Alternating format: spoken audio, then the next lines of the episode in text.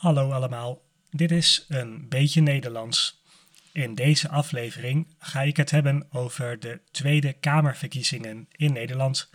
Als je de tekst wil meelezen, kan dat op de website van de podcast www.eenbeetjenederlands.nl. Ook als je vragen of opmerkingen hebt over deze aflevering, kan je ze naar mij sturen op de website. In de show notes staat een link naar de website. Politiek en verkiezingen zijn heel uitgebreide en complexe onderwerpen, dus misschien is deze aflevering wat moeilijker dan normaal. De aflevering zou ook te lang gaan duren als ik alles zou bespreken, dus ik ga sommige dingen weglaten of simpeler uitleggen dan dat ze echt zijn. Als je ergens meer over wil weten, kan je me altijd een berichtje sturen op de website. Misschien kan ik het dan in wat meer detail uitleggen. Ook gaat deze aflevering vooral over de Nederlandse politiek en verkiezingen. Als je meer wil weten over Belgische politiek, heb ik aan het eind van de podcast nog een goede tip voor je. Nu, eerst door met de podcast.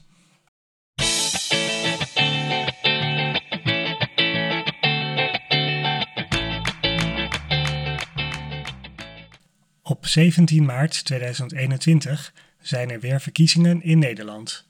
Waar zijn deze verkiezingen voor? Wie mogen allemaal stemmen? En wat gebeurt er na de verkiezingen? Ook als je nog niet zelf mag stemmen, is het belangrijk om de antwoorden op die vragen te weten. In deze aflevering ga ik proberen zo duidelijk mogelijk uit te leggen hoe de verkiezingen werken. Waar zijn de verkiezingen voor? In Nederland leven we in een parlementaire democratie. Dat betekent dat de inwoners van Nederland kunnen kiezen wie het land besturen. Dat gebeurt via verkiezingen, waarbij de volksvertegenwoordigers gekozen worden. We hebben natuurlijk in Nederland ook een koning, koning Willem-Alexander. Maar hij heeft geen politieke macht in Nederland.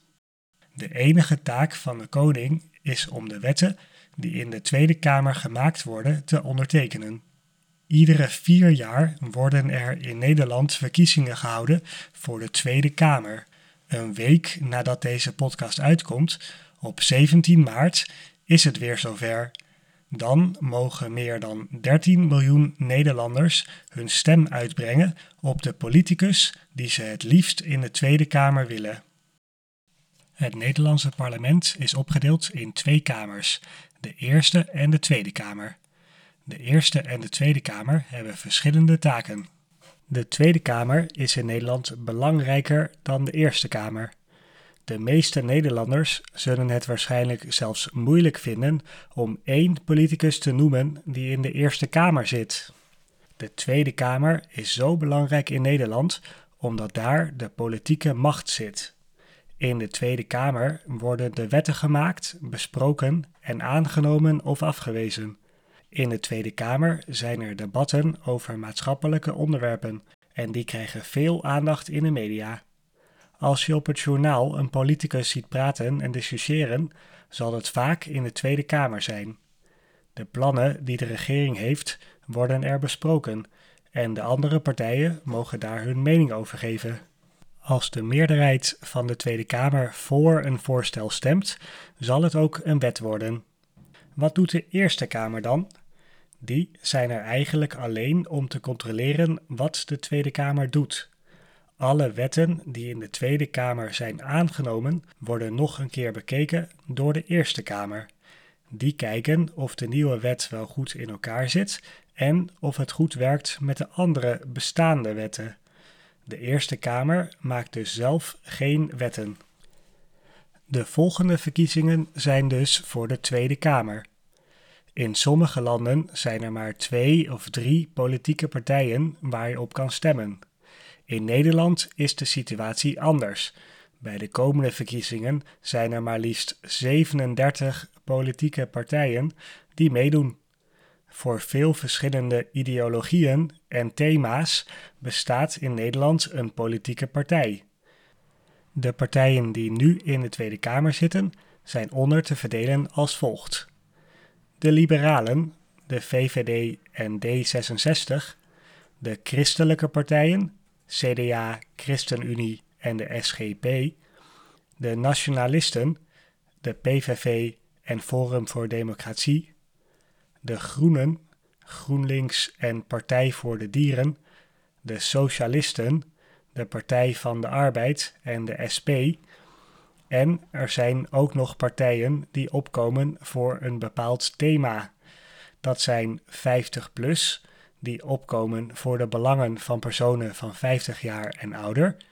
En de partij Denk, die komt op voor de belangen van minderheden in Nederland.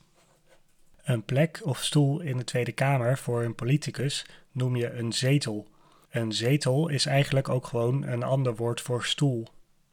Na de verkiezingen worden de zetels van de Tweede Kamer verdeeld onder de partijen waarop gestemd is. Er zijn in totaal 150 zetels in de Tweede Kamer. Met zoveel partijen kan je je wel voorstellen dat er niet één partij gaat zijn die de meerderheid van de zetels haalt. Daarom moeten er partijen samenwerken om te kunnen regeren in coalities. Hoe dat werkt, leg ik zo meteen uit. In Nederland hebben we geen minimum aantal zetels dat een partij moet halen om in de Tweede Kamer te komen. Er zijn dus partijen met maar één of twee zetels in de Tweede Kamer. Maar ook die partijen hebben het recht om hun standpunten in de Tweede Kamer naar voren te brengen en daarmee hun kiezers te vertegenwoordigen. Maar met zoveel partijen, hoe weet je dan op wie je moet stemmen? Niemand heeft de tijd om van 37 partijen alle plannen door te lezen natuurlijk. Gelukkig zijn er mensen die dat voor ons doen. Er zijn verschillende zogenaamde kieswijzers. Dat zijn websites die je helpen te beslissen op wie je gaat stemmen. Door vragen te stellen over allerlei onderwerpen kom je erachter welke partij het beste bij jou past. Ik zal een link naar een kieswijzer op de website neerzetten. Wie mogen er stemmen? Iedereen met de Nederlandse nationaliteit die minstens 18 jaar is op de dag van de verkiezingen mag stemmen bij de verkiezingen. Het staat in de Nederlandse grondwet dat alle Nederlanders het recht hebben om te stemmen. Ook als je in de gevangenis zit, mag je in Nederland stemmen. Als je het recht hebt om te stemmen, ontvang je een paar weken voor de verkiezingen met de post je stempas. Iemand die mag stemmen noem je een stemgerechtigde. Je hoeft je niet te registreren, zoals bijvoorbeeld in Amerika.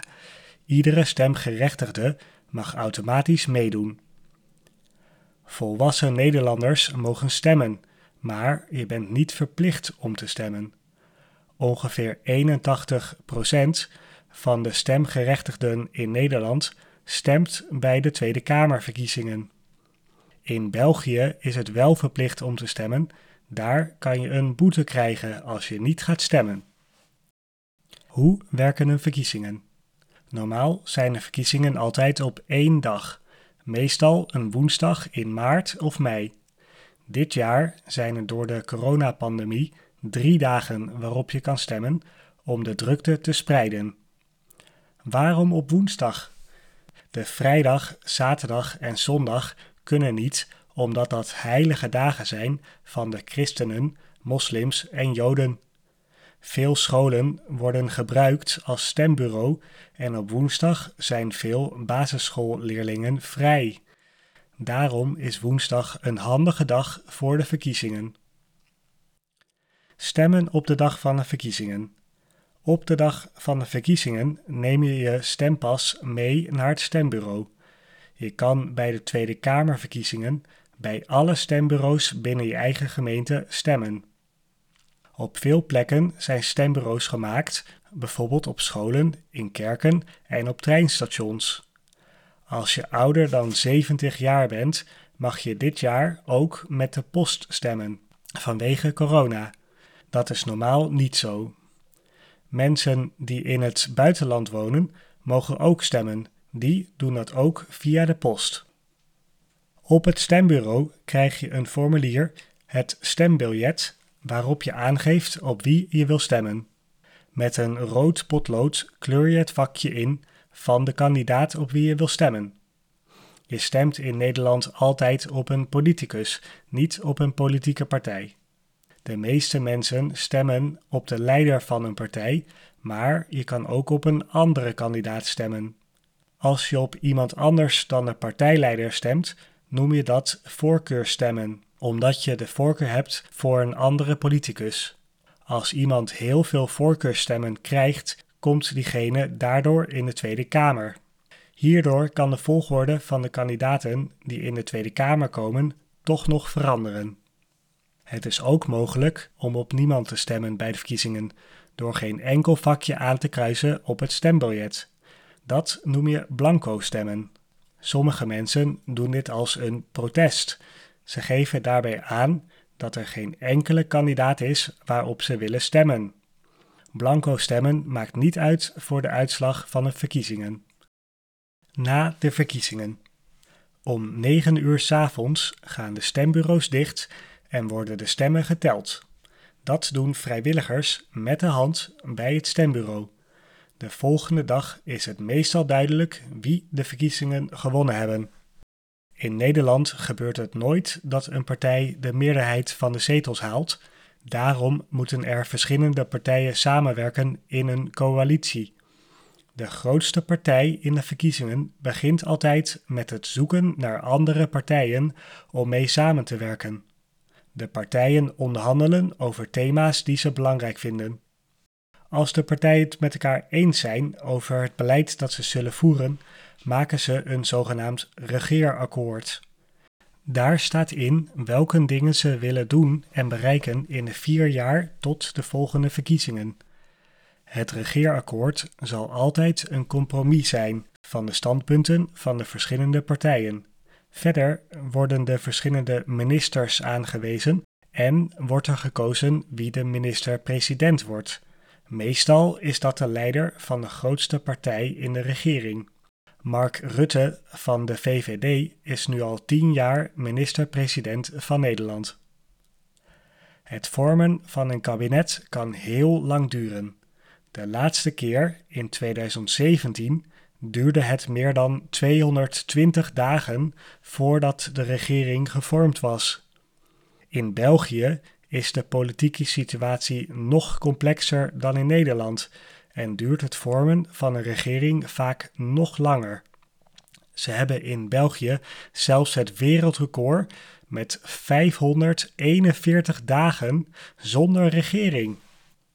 Ik ga in deze podcast niet helemaal uitleggen waarom de situatie zo complex is in België, maar mijn collega-podcaster van de podcast Op zijn Vlaams heeft een podcast gemaakt over de Belgische politiek. Net zoals deze podcast is het in duidelijk Nederlands, alleen spreekt hij wel met een Vlaams accent. Een aanrader als je er meer over wil weten.